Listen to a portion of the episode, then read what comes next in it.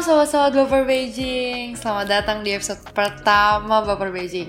Di podcast Baper Beijing kita bakal ngebahas tema-tema yang pasti seru, asik, menarik Tapi tetap informatif nih untuk kalian. Nah sebelum aku ngelanjutin Aku mau kenalan dulu, nama aku Talia Dan aku bakal jadi host podcast hari ini. Tapi aku gak sendirian, aku bakal ditemenin sama teman aku yang ganteng banget. Tapi kalian gak bisa ngeliat gitu kegantengannya. Karena kalau kalian ngeliat kegantengannya jadi kayak gak ganteng gitu loh. Oke boleh dong temen aku kenalan Halo, halo sobat-sobat baper. Jadi gua di episode pertama kali ini akan menjadi host yang menjadi temannya Talia ya. Kenalan dulu, nama gua Farhan ya. Dan sebelum kita melanjutkan episode pertama eh, podcast Baper Beijing ini ada perlunya kita tahu apa itu Baper Beijing. Jadi Baper Beijing itu adalah singkatan dari bincang-bincang ala Permen Beijing. Yaitu itulah podcast kita dari Permen Beijing. Dan ini adalah episode pertama ya. Di episode pertama kali ini kita akan ngebahas tentang nostalgia tahun pertama di Beijing. Dan kita mengundang narasumber kita yang merupakan ketua Permen tahun 2019-2020 yaitu Felix Cahyadi. Yeay, dong Kak Felix kenalin diri dulu sekarang gitu. Biar kita lebih kenal lah, lebih deket Terima kasih udah ngundang gue ke podcast, apalagi episode pertama nih, sebuah kehormatan banget. Oke semuanya, teman-teman Beijing, boleh perkenalkan nama gue Felix. Eh, sekarang kuliah S1 tahun keempat di Peihang University, jurusan International Trade and Economics. Dulu sempat menjabat jadi ketua permit Beijing selama satu tahun, periode 2019-2020. Itu sih sekarang udah bukan siapa-siapa lagi di permit. ya, Tetep dong Tetep di merendah hati kita sih semua Kak dong. Felix. Iya dong, tetep diingat gitu. Jasa pasti diingat. Iya, harus selalu. Nah, lanjut nih. Hari ini tuh kita temanya tentang nostalgia nih ini. Nostalgia apa sih Kak Farhan? ya nostalgia tuh jadi ya kita tuh mengingat kembali momen-momen kita di tahun pertama tuh kayak gimana sih eh, seberapa indah sih ya. Karena kita tuh tahu gitu kalau momen tahun pertama tuh momen di mana kita tuh paling luang gitu jatuhnya jadi adalah kesempatan kita pak untuk explore explore sebenarnya ya enggak sih Sama beradaptasi juga betul Nah, Kak Felix sendiri gimana tuh awal-awal nyampe Beijing tahun pertama? Kayak ada kendala nggak? Terus bahasa gimana tuh? Kan beda banget kan? Coba dong cerita-cerita gitu. Kalau gua pas pertama nyampe Beijing itu apa ya? Tadi pertama kendala bahasa ya. Hmm, mungkin ada kalau kendala bahasa sih, Kalau bahasa sih ada pas pertama pas pertama tuh ada. Eh, sebelum gua ke Beijing, gua udah pernah ambil HSK kan di Indo. Nah, sebenarnya gue juga udah juga lumayan sering lah. Misalnya eh, untuk Mandarin level komunikatif komunikatif gue masih bisa. Tapi sesampainya gue di Beijing tuh kayak yang gimana ya? Jadi kesannya nggak bisa apa-apa gitu loh karena perlu waktu sih bro untuk adaptasi Prakteknya sama gitu ya? aksen, ya benar sama Hmm, kayak sama aksennya orang lokal, sama kayak kecepatan mereka ngomong. Terus kadang beberapa vocabnya mereka juga beda sama yang kita pakai gitu. Jadi benar-benar gue itu kesulitan sih salah satu buat bahasa. Itu sih kalau kendala utama kayak bahasa deh, sama mungkin perbedaan budaya deh, agak culture shock aja kadang dan awal-awal. Sampai sekarang sih kadang masih beberapa yang bikin lu shock sih kayak. bahkan sampai sekarang ya maksudnya culture shock di tahun pertama tuh masih ada sampai sekarang Tahun pertama yang kita belum lulus HSK 5 atau 6 pun itu udah susah banget. Bahkan kita setelah lulus HSK 5 atau 6 pun tetap susah gitu loh untuk eh, nyamain sama standar mereka gitu untuk bahasa sih. Bener sih, soalnya gue apa namanya mereka kan apalagi kalau kuliah ya itu banyak terms-terms yang berbahasa Mandarin kayak misalnya kuliah teknik itu istilah-istilah teknik dalam bahasa Mandarin itu harus dibisain gitu. Makanya gue yang apa namanya yang kalian HSK 5 aja itu udah susah gitu apalagi gue yang seumur hidup HSK 1 gitu. Kayaknya gue bermasalah banget. HSK 2 aja gue gak lulus gitu. Kak Felix HSK berapa sih sebelum ke China? Sebelum ke Cina karena ya kayak tadi gue bilang ya kan gue udah pernah ambil HSK 5 tapi itu sebenarnya HSK 5 gue juga pas-pasan gitu loh Eh, itu juga karena diwajibin sama kampus kan kalau enggak bisa kalau enggak nggak bisa masuk jadi kalau misalnya ada teman-teman yang sekarang mendengarkan dan juga lagi SMA 3 coba rajin-rajin ambil HSK 5 dulu deh kalau pengen ambil kuliah dalam bahasa Mandarin ya tapi kalau misalnya ambil dalam bahasa Inggris ya nggak usah Dan latihan speaking. dan latihan speaking lewat film aja bener Sama kalau kalau gue pribadi sih punya ini eh, punya metode yang menurut gue cukup manjur yaitu nonton youtuber Taiwan atau youtuber yang berbahasa Mandarin. Banyak youtuber dari Beijing gitu atau dari mainland benar. China yang kuliah di luar negeri mereka buat konten pakai bahasa Mandarin itu salah satunya. Bener. Tapi eh, sebenarnya kalau misalnya lu pada tahu ya, sebenarnya eh, aksennya Taiwan sama aksennya mainland tuh agak berbeda loh. Jadi, Beda, bahkan bener. ada beberapa vocabnya Taiwan itu Bener sama banget. vocabnya mainland itu beda banget. Bener banget tuh, bener banget, bener banget. Gue tuh entah kenapa ngerasa aksen Taiwan tuh indah. Iya kan, gue juga sebenarnya kayak gitu, kayak smooth banget. Bener banget. kalau dengerin orang Taiwan ngomong tuh rasanya kayak adem gitu. Tapi kalau dengerin orang mainland ngomong tuh berasa kayak dibentak. Tapi ya nggak semua, nggak semua sih. Tapi tergantung daerah juga ya. Makanya salah satu alasan gue ke China sekolah tuh gara-gara ngeliat banyak film Taiwan gitu loh. Terus cowok-cowoknya kayak aduh romantis banget, terus ganteng banget sih. Waktu gue ke, ke China bisa dapet dapet cowok kayak gitu gitu. Terus gagal gitu loh, agak sayang sih sebenarnya. Cuman cuman dengan nonton kayak gitu, itu untuk latihan speaking itu berguna sih sebenarnya. Iya, tapi ini loh, apa namanya? Mungkin banyak sobat-sobat baper yang belum tahu gitu ya, apa itu HSK. Jadi HSK itu adalah tes bahasa Mandarin.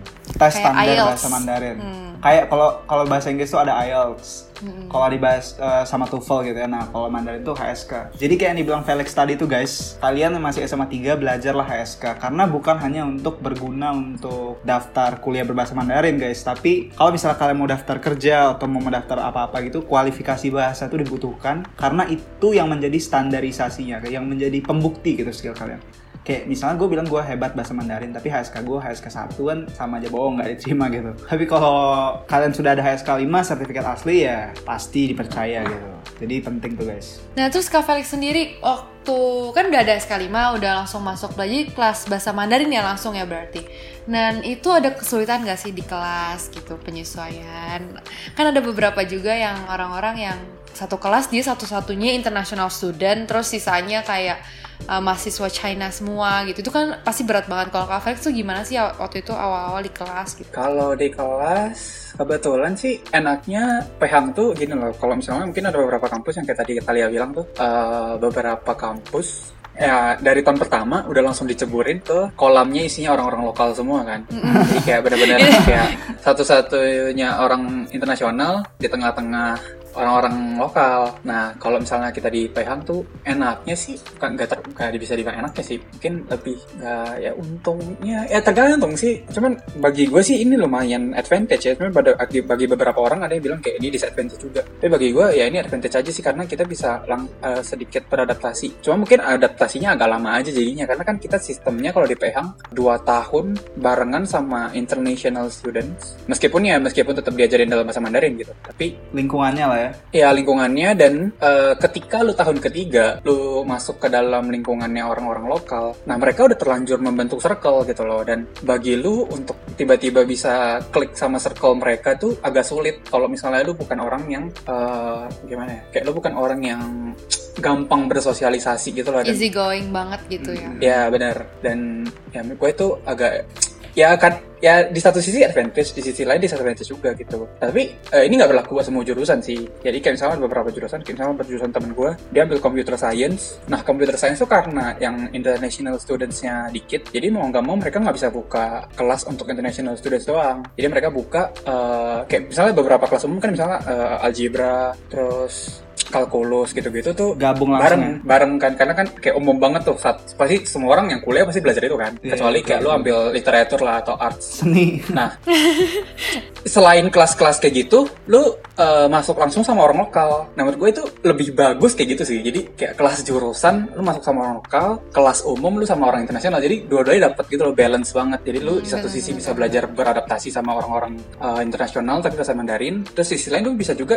eh, langsung menjalin pertemanan gitu jadi lu nggak nggak apa ya nggak tertinggal gitu loh sama orang-orang lokal Berarti kalau gue kemungkinan besar nggak punya teman nanti gue tuh. Gitu. sebenarnya itu yang terjadi di gue sih kayak jadi gue tahun ketiga agak agak struggle ya Jadi ya mungkin tahun pertama harusnya kita lebih ya aktif lah, lebih sedikit aktif, Iya. terus uh, nyari-nyari temen lokal gitu. Mungkin ikut-ikut acara-acara dari sekolah itu benar-benar harus diikutin sih. Ya, itu salah satu penyesalan yang tidak gue lakukan ya. Jadi Eh. mungkin teman-teman kalau misalnya ada yang mendengarkan ini dan masih tahun pertama, boleh kayak coba proaktif aja. Sebenarnya bukan cuma tahun pertama sih, tapi selama kuliah diusahakan tetap proaktif terus sih. Hmm. Nah terus eh, kalau misalnya sama anak-anak lokal tuh mereka gini eh, suka ini nggak, suka jalan-jalan nggak? Kalau misalnya jalan-jalan tuh lo pernah ke mana aja gitu di tahun pertama? Hmm, jalan-jalan pernah, tapi nggak sama anak lokal.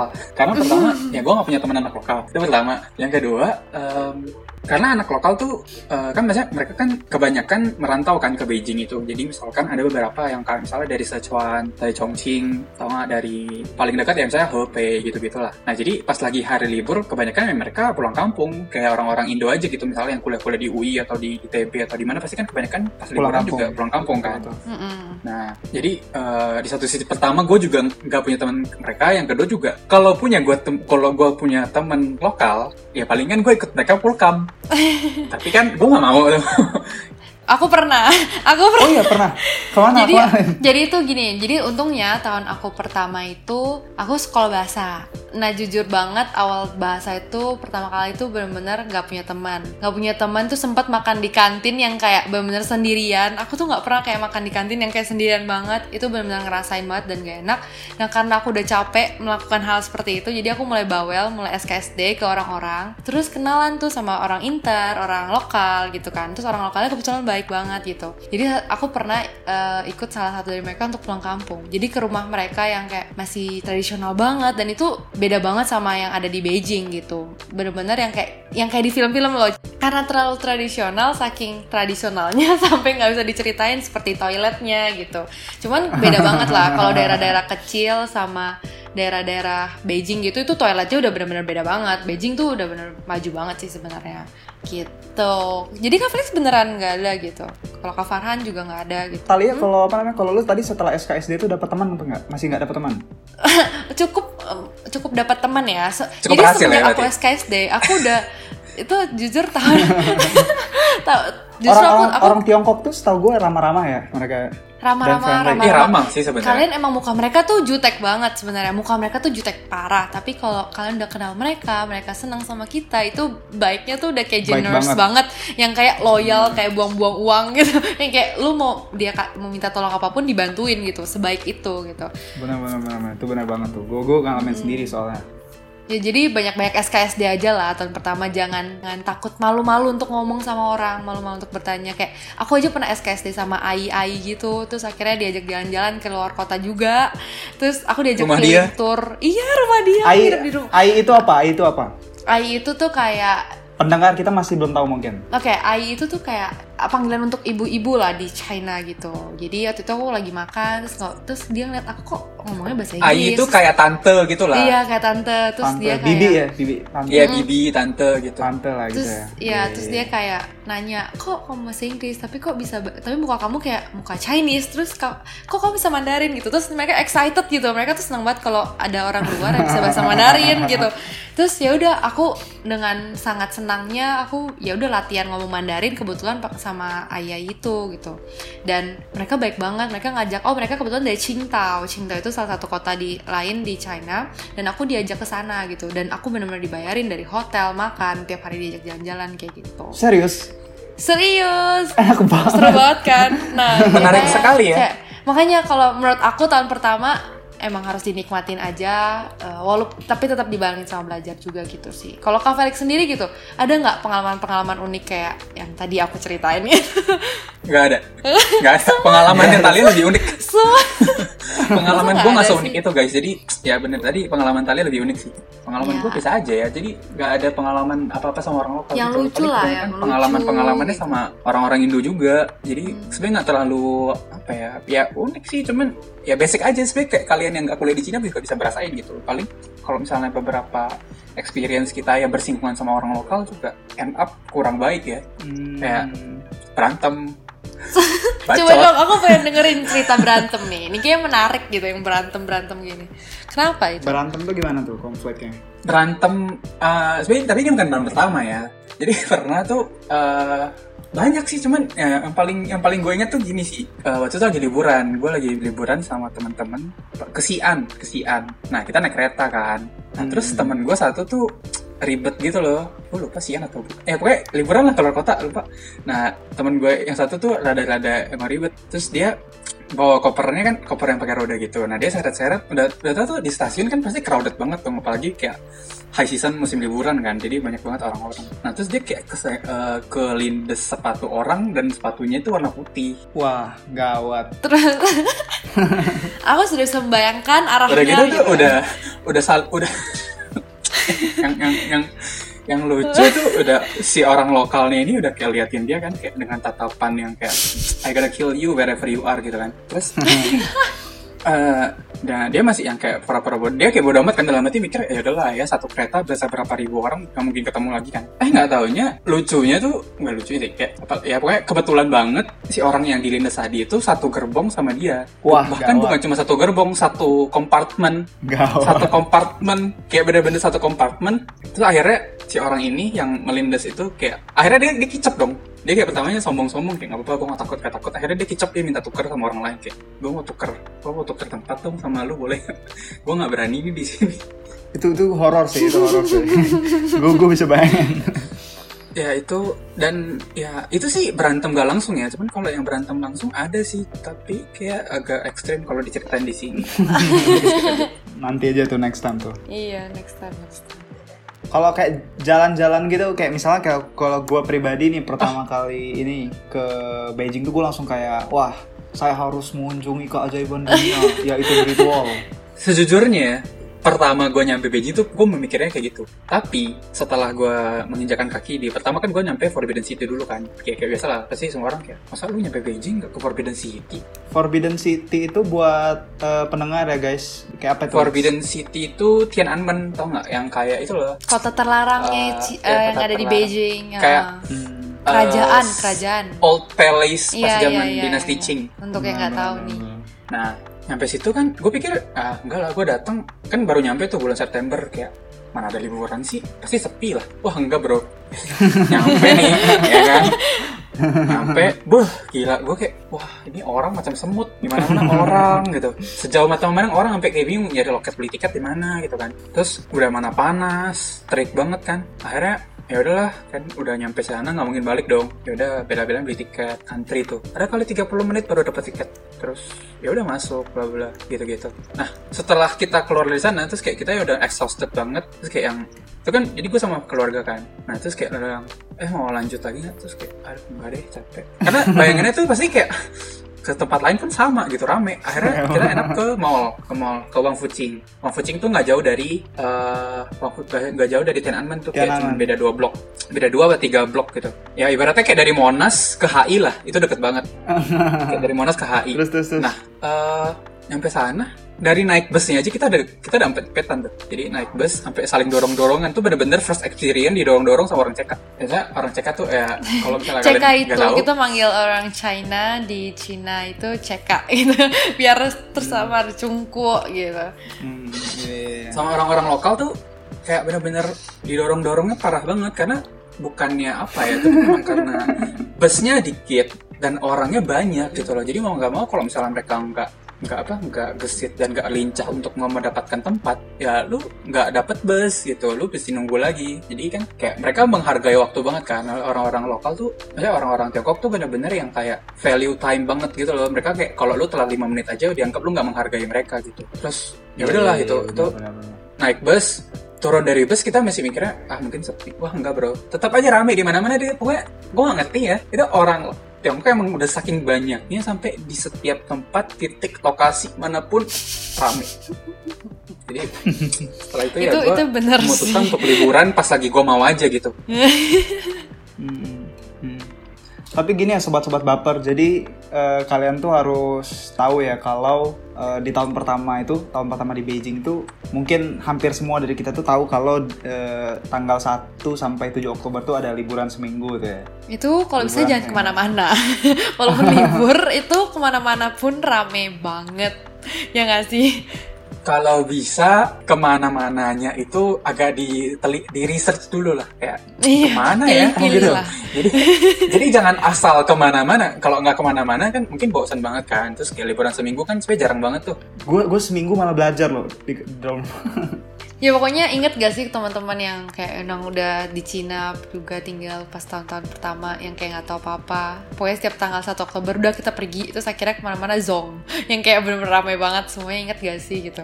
akhirnya pasti gue yakin banget kalau misalnya ada senior senior yang di sini udah udah yang udah itu pasti kayak pada punya pengalaman pengalaman unik selama Independence Day deh kayak kejebak di tengah orang-orang kerumunan lah atau enggak pernah tuh tahun lalu deh tahun lalu tuh aneh banget deh Wah aneh sih, unik lah. Mm. Jadi kan mereka ngerayain Independence Day ke 70 tahun tuh. Nah, satu jalanan Beijing ditutup dong. Wah gila, itu itu paling epic.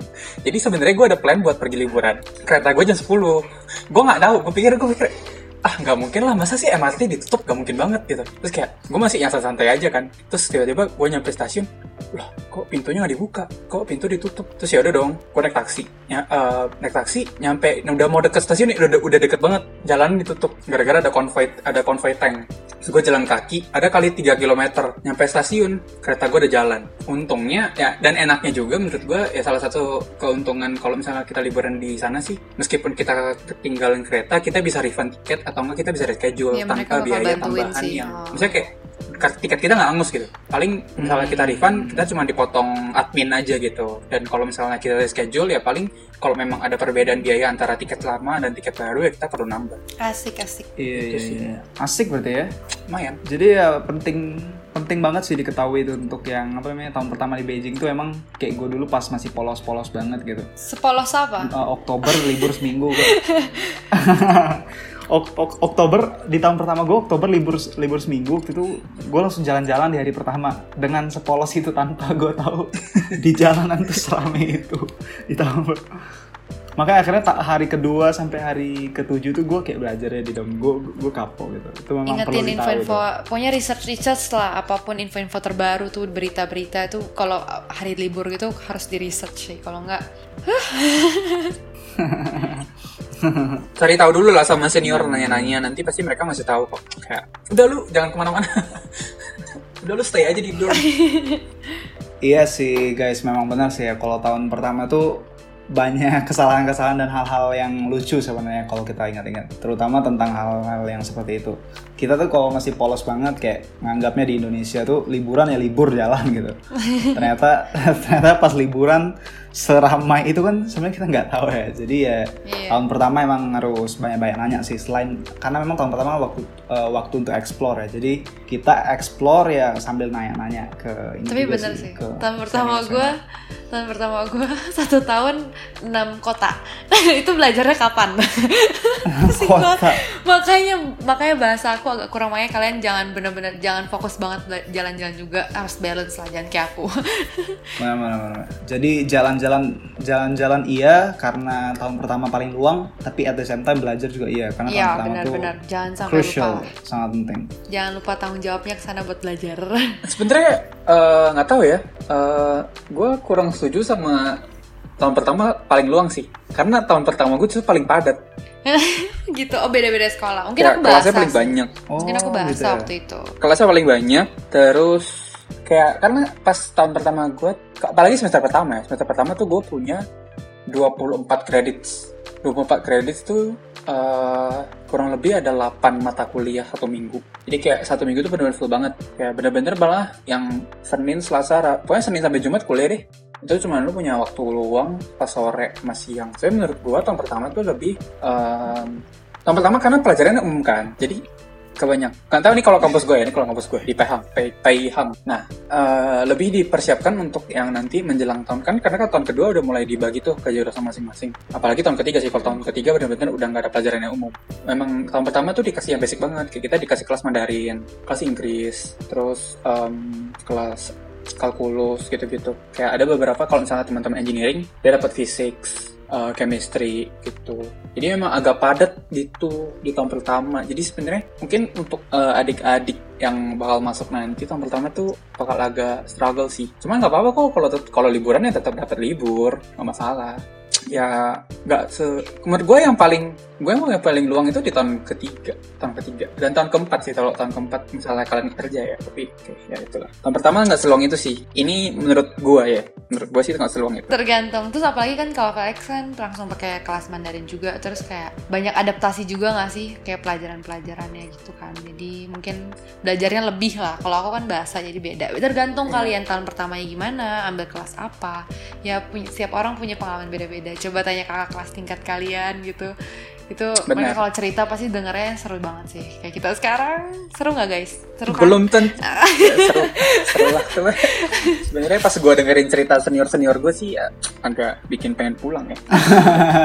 Ih, aku pernah pengen hampir pengen pulang tau pas tahun pertama gara-gara aku waktu itu sempet nggak dapet dorm. menurut gue pasti itu umum banget sih kayak semua orang yang baru-baru datang. Pasti ada beberapa yang bikin kita jadi semacam homesick gitu di awal di awal ya. Nih catatan sekali lagi di awal. Ya di awal tuh karena kan kita jauh dari rumah terus tiba-tiba kayak kita rutin kita berubah total biasanya kayak Mm-mm. apa-apa tinggal makan mau minum cuci baju cuciin. Kamar diberesin Bener banget, bener makan dimasakin ya kan? Semua bener-bener diurusin. Enggak nggak diberesin misalnya- dong, beresin sendiri udah besar. Gitu. ada loh orang-orang yang kayak gitu nyampe bahkan sampai dia di sana pun dia nggak tahu cara gimana beresin kamar. Wah, banyak yang akhirnya akhirnya ya itu yang bikin jadi nggak nyaman gitu loh. Cuman menurut gua ya itu justru uh, momen apa ya kita bisa jadi titik balik gitu lah dalam hidup. Kayak kita bisa belajar sesuatu, sesuatu belajar banyak hal baru. Kayak kita bisa ke menemukan sebenarnya beberapa potensi-potensi yang selama ini karena kita terlalu sering Manja. gitu di, di safe zone jadi kita tuh nggak sadar sama potensi kita yang ada di dalam diri kita gitu. Benar jadi benar pas benar. awal-awal datang menurut gue itu momen yang paling menentukan sih buat kayak kita bisa survive untuk terus-terusan lanjut sampai lulus atau eh, kita gugur di tengah jalan gitu. Karena banyak juga banyak sistemnya ada juga yang memang akhirnya ya dia cuma bertahan satu semester dan akhirnya pulang gitu. Iya sih ad- adaptasi lah ya ke cultures, kelas, lingkungan, tempat tinggal, makanan bahkan banyak lah yang harus diadaptasin. Awal-awal aku juga susah sih, apalagi bulan pertama makan sendiri di kantin makanannya banyak beberapa makanan yang nggak cocok juga sama lidah kan di sana tuh menurut aku ya makanan di sana tuh agak berminyak. Ya, jadi di sana tuh kuah. tuh agak berminyak gitu kan. Gimana tuh Kak Felix? Kue tiaw goreng kuah. Coba jelaskan. bihun goreng kuah Coba jelaskan. semua berkuah ya beneran deh. Coba gue gue beneran ini sebuah reminder untuk para tetua-tetua yang udah lulus. Gue yakin banget kalian pernah merasakan yang namanya nasi goreng berkuah. Itu kayak nasi goreng terkenal ya. dibungkus ya kan? Bawa bawa pulang kok kok ada kuahnya di bawah? Itu biar nggak kering kak Felix kulitnya. Jadi untuk informasi ya teman-teman, makanan di Beijing terutama sedikit lebih banyak minyaknya gitu. Jadi hmm, sampai sampai sampai ketika kita makan nasi goreng itu berkuah ya. Jadi itu mungkin adaptasi lah ya. salah satu culture shock juga ya kayak soalnya kan biasanya kita makan di sini mungkin yang kayak berminyak dikit kayak misalnya gorengan aja deh kita yang ih gila lu makan berminyak itu kolesterol ah gila bro gorengan itu masih tahap ringan iya Biasa aja. bener kalau di sana tuh udah belum kayak apa-apa high level walaupun walaupun di sana masih banyak juga sih makanan-makanan yang sehat cuman kalau kantin kan karena harganya juga standarnya lebih murah jadi apalagi anak tahun pertama kayak ah gue mau gue mau hemat nih gitu kan.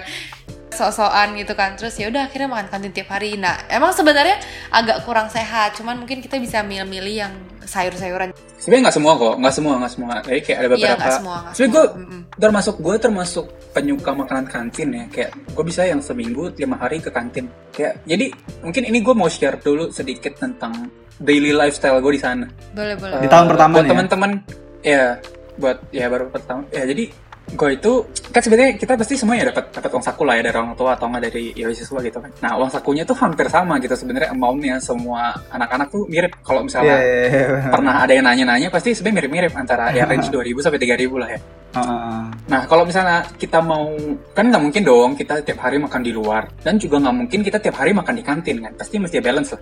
Ada makan di kantin, ada makan di luar ya kan. Mm-mm. Nah, jadi gimana caranya gue menyiasati hal itu? Jadi gue kayak Senin sampai Jumat kan kelas gue pada tuh seperti yang tadi gue sebut-sebutin di awal. Kelas gue Senin sampai Jumat selalu ada kelas kan. Jadi gue Senin sampai Jumat gue usahain untuk makan di kantin. Makan di kantin tuh kan range harganya paling ya 10 sampai paling mahal 15 RMB lah. Hmm. Itu paling mahal tuh. Sekali makan. Jadi kayak sekali makan. Kalau dirupiahin sekitar? Kalau dirupiahin sekitar 20 sampai 30 ribu. Nah itu udah nasi dengan tiga lauk. Jadi ya oke okay banget gak sih nasi tiga lauk 30 ribu paling mahal. Dan nasinya banyak banget. Tolong diingat semua orang yang pernah sana pasti tahu porsi di sana sangat besar. itu kayak karbo 60%, protein 30%, lemak 20%, jadi 110%. Minyak 200%. Minyak 200%. nggak gitu juga dong kan bisa milih tergantung. Jadi kan Senin sampai Jumat nih gue kantin kan. Senin sampai Jumat kantin nah Sabtu sampai Minggu tuh biasanya gue sain sama teman-teman kita pergi makan di luar. Nah jadi pengeluaran kita bisa tetap dijaga gitu loh kayak dikontrol untuk tetap kita bisa yang Senin sampai Jumat kantin Sabtu Minggu kita bisa hang out sama teman-teman. Jadi setuju. ya balance lah gitu kan. Gak terlalu yang hedon tapi juga nggak terlalu yang hemat sampai kikir. Jangan kikir juga dong nggak nggak menikmati nggak menikmati hidup gitu. Nggak tahu menurut gue itu balance ya menurut gue itu balance. Ya misalnya mungkin bagi beberapa orang ya enggak gue mau ngantin terus 24 per 7 ya boleh nggak apa-apa ya itu hak lu. Cuman bagi gue sih ya lima hari gue ngantin dua hari gue keluar. Beda-beda orang lah beda-beda budget beda-beda uh, makanannya juga tergantung lah gitu pinter-pinter ngatur pengeluaran lah. Cuman pertama-tama mungkin awal-awal kan semua orang mikir eh gue harus hemat gue kos nih harus hemat. Jadi masih kantin-kantin. Tapi makanan kantin sebenarnya juga lumayan banget dengan harga segitu bak enak banget. Karena tahun karena pertama apa? jadi kayak bablas gitu. Gak oh justru gua... malah nggak tahu ya perhitungannya. Kayak akhirnya pasti tanya lu berapa keluar? Empat ribu. Buat apa aja? Makan. Kebanyakan tuh sebenarnya kebanyakan tuh abis dimakan sebenarnya guys. Jadi kebanyakan tuh abis dimakan sebenarnya. Kayak kadang suka lupa aja. Gue sedih gue sedih nginget itu gitu. Tahun pertama gue gue habis di Waimai Wai, uh, jadi uh, sobat-sobat baper Waimai itu istilahnya GoFood. Jadi itu kalian beli gitu ya pakai apa namanya aplikasinya gitu. Aplikasinya nanti lah ada. Sama beli boba guys. Anak tahun pertama tuh kayak aduh gue harus nyoba semua boba yang ada di aduh, Beijing. itu bener banget itu, itu kayak gue harus nyoba boba ini boba ini. Terus akhirnya boba lebih mahal dari makanan di kantin gitu loh. Jadi kayak pengeluarannya double. Mungkin bulan-bulan pertama lah kalian masih hemat terus bulan-bulan gue oke okay, gue harus explore boba. Itu itu bener banget. Boba tuh boba tuh bener banget tuh. Itu itu dan itu banyak banget gue tidak akan mendina itu. Ya buat teman-teman yang udah lulus pasti pengen banget minum koko itientin dan sebenarnya harganya oke okay lah kayak ya standar gitu. Ya maksudnya untuk minuman bubble ya itu standar lah kalau dilihat muka gue sih di tahun pertama tuh ini sih kayak mirip boba. udah yang ya sama lah bukan mirip lagi udah sama. Soalnya gue kayak minuman tiap hari gue boba terus terus gue nggak ini loh nggak apa namanya nggak segan-segan membeli boba tuh. Kayak ketika gue mau gue beli gitu. Mau sehari tiga kali empat kali. Nggak mempertimbangkan apa-apa ya kayak ya udahlah beli aja. Tapi untung kita di sana tuh banyak jalan loh. Kita tuh di sana beda lah sama di Indo. Kalau Indo kan banyak naik mobil. Kalau sana itu banyak naik naik jalan kaki dan naik transportasi umum seperti MRT dan bus. Dan sana tuh sangat gam mudah banget gampang banget. Terus aman banget juga untuk cewek-cewek jalan sendiri gitu kan. Tahun apa gue kaget tuh tahun pertama kayak gila malam-malam gini jalan sendirian tuh kayak nggak nggak nggak perlu parno ada orang-orang teriak-teriak atau gimana gitu. Kayak emang aman banget sih di sana. Kalau kafe gitu sering naik transportasi umum atau apa nggak? Atau ada kenang-kenangan gitu di transportasi umum mungkin.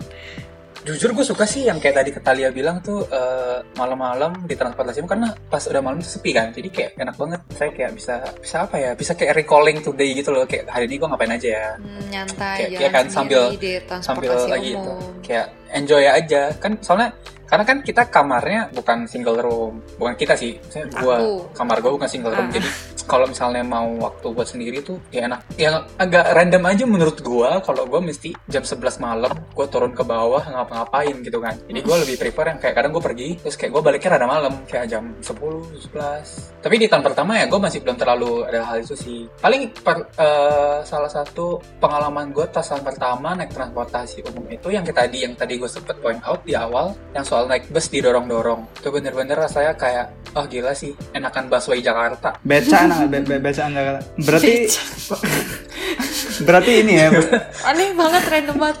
Tolong gak usah didengerin yang tadi. Kayak kita lanjut. Gak. jadi Ya itu eh, yang naik bus atau enggak eh, tahun pertama tahun pertama jujur gue nggak terlalu sering pergi-pergi yang sampai gimana banget Em, untuk pengalaman ya paling naik MRT MRT tapi nggak ada kayak strange experience atau unique experience yang bisa diceritain sih kayak ya basic-basic banget aja gitu. Dan hmm, itu sih yang paling unik menurut gue naik bus tapi didorong-dorong. Atau sama yang tapi ini bukan tahun pertama ya. Oh gue pernah bener. Jadi kita tuh naik kita pulang malam abis makan hari Sabtu naik MRT kan. Terus kita tuh mikir kayak eh keburu lah ini jam 11 harusnya 20 menit nyampe gitu terus ternyata kita tuh nggak kita salah mengkalkulasikan maksudnya kita salah mengkalkulas- mengkalkulasikan eh, perjalanannya gitu loh jadi eh, mungkin kalau misalnya teman-teman yang udah pernah di Beijing tahu line 2 itu kan line-nya eh, cir- circular ya jadi dia muter aja gitu kan. Nah, waktu itu kita nggak tahu kalau last stationnya itu satu station sebelum station kita. Jadi ibaratnya eh, waktu itu gue muteran di Sichemen. Nah, sebelum Sichemen itu kan stationnya sebelum Sichemen itu apa ya? Aduh, lupa lagi. Pokoknya station sebelum Sichemen inget lah. sih, udah terlalu lama di Indo. Nah, udah gitu eh, kita diturunin dong di station itu. Kayak padahal kita tuh mikir karena kan gue pengen turun di Sichemen terus gue pengen ganti ke line 13 Mm-mm. buat balik ke kampus kan. Iya. Terus kita diturunin di satu station sebelum si Chatman terus kayak yang eh gimana dong? Udah jam 11.30 nggak ada MRT akhirannya ya udah kan nyari bus. Nggak ketemu bus juga. Bus udah bus udah pada habis juga udah last kayak udah last bus gitu. Ya udahlah kita mengakhiri malam dengan jalan kaki dari station itu sampai ke kampus yang ada kurang lebih mungkin 3 sampai 4 kilo dan itu agak rame agak ada kali 10 orang jadi kayak semacam konvoy gitu malam-malam kayak udah mau ngegeng Tapi selalu Itu- aman lah ya. Selalu aman kok aman banget Aman. Ya, dan kalau rame-rame menurut gue asik sih jalan kaki malam-malam tuh. Benar, kayak- benar, benar. Sama Ya, geng-geng nggak berasa ya. gitu, nggak berasa Betul, aja gitu. Lalu sambil nyampe. sambil cerita-cerita gitu kan curhat-curhat. Iya. Jadi buat sobat-sobat baper nih ya memang nih eh, ada satu juga yang harus dibiasakan eh, kalau terutama mau kuliah di Beijing gitu ya. Itu adalah kebiasaan untuk jalan kaki. Jadi selain jalan kaki itu sehat, eh, syukurnya adalah di Beijing itu sangat-sangat aman ya. Terus pedestrian friendly sih, kayak Ah. ramah pejalan kaki banget karena trotoarnya luas parah. Bahkan kalau misalnya di apa ya, kalau misalnya mau di iniin, dianalogiin bisa kayak satu ruas mobil, satu ruas jalan di Indo. Lebay, lebay, lebay. Maksudnya, nggak sih kayak satu ruas buat Ya, satu mobil gitu lumayan bisa loh. gede sih, lumayan gede sih Hmm. sebenarnya. Mobil kecil, mobil kecil gitu loh masih mungkin lah. Ya iyalah, lu jangan mobil yang gede yang kayak truk gitu ya. Itu bukan trotoar. Ya kan tadi bilangnya mobil, salah siapa? Salah Anda gitu kan. Oke, lanjut. Cuman di podcast ini Kita- narasumber disalahin. Gak apa kan kita have fun aja kita udah saling kenal gitu kan. Jadi emang gitu sih jalan-jalan di sana baik jalan kaki naik kendaraan umum. Di MRT juga rame banget sering kecium banyak orang rame karena mereka terlebih kayak orang China itu kalau kerjanya tuh sampai malam kan. Jadi mereka malam-malam mandi gitu-gitu gitu. Nah, awal-awal masih kaget gak sih? Felix waktu awal-awal kayak mencium aroma-aroma yang kurang enak pas siang-siang. kaget gitu. dan kesal dan marah nggak nggak marah sih cuman kaget dan shock lah nggak nggak tapi wajar lah karena mereka uh, mandinya kan sore malam gitu baru selesai pulang kerja. Nggak kayak gini gini menurut gue yang harus eh, bikin kita agak sebenarnya eh, mungkin karena kita tinggal di negara tropis ya jadi kita bagi kita tuh mandi sehari dua kali itu wajar dan lum- lumrah gitu loh. Benar, Tapi benar, sebenarnya benar. bagi mereka-mereka yang tinggal di negara subtropis kayak eh, Cina, eh, Tiongkok, Eropa atau bahkan kayak Amerika segala macam. Itu bagi mereka tuh mandi dua hari sekali tuh hal yang sangat sangat membuang-buang jarang. air. Iya kayak dan bagi kulit tuh nggak bagus gitu loh kalau menurut mereka ya. Hmm, Cuman iya, ya, karena gue nggak tahu sih, gue nggak pernah Mm-mm. gue nggak pernah membaca jurnalannya atau apa cuman katanya sih bagi kulit tuh bagus jadi kayak mereka tuh ya mandi secukupnya mungkin ada yang dua hari sekali ada yang sehari sekali ya mandi gue agak bisa memaklumi lah dan memang Sebulan sekali ada. Kafaran kan salah satu. Sebulan sekali mungkin itu peliharaan dia ya. Yang paling gue agak kesel tuh kadang ada yang nggak sikat gigi juga gitu loh. Jadi kenapa kamu tidak sikat gigi? Kan gigi kamu tidak jadi kering. Siapa itu? Aku pengen tahu siapa itu.